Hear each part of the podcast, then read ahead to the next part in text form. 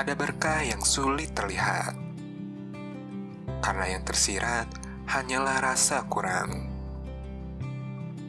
Hingga banyak waktu yang mulai tersia-siakan. Sampai tak terasa berjumpa bulan penuh berkah. Rasa syukur menyadarkan dengan hikmat.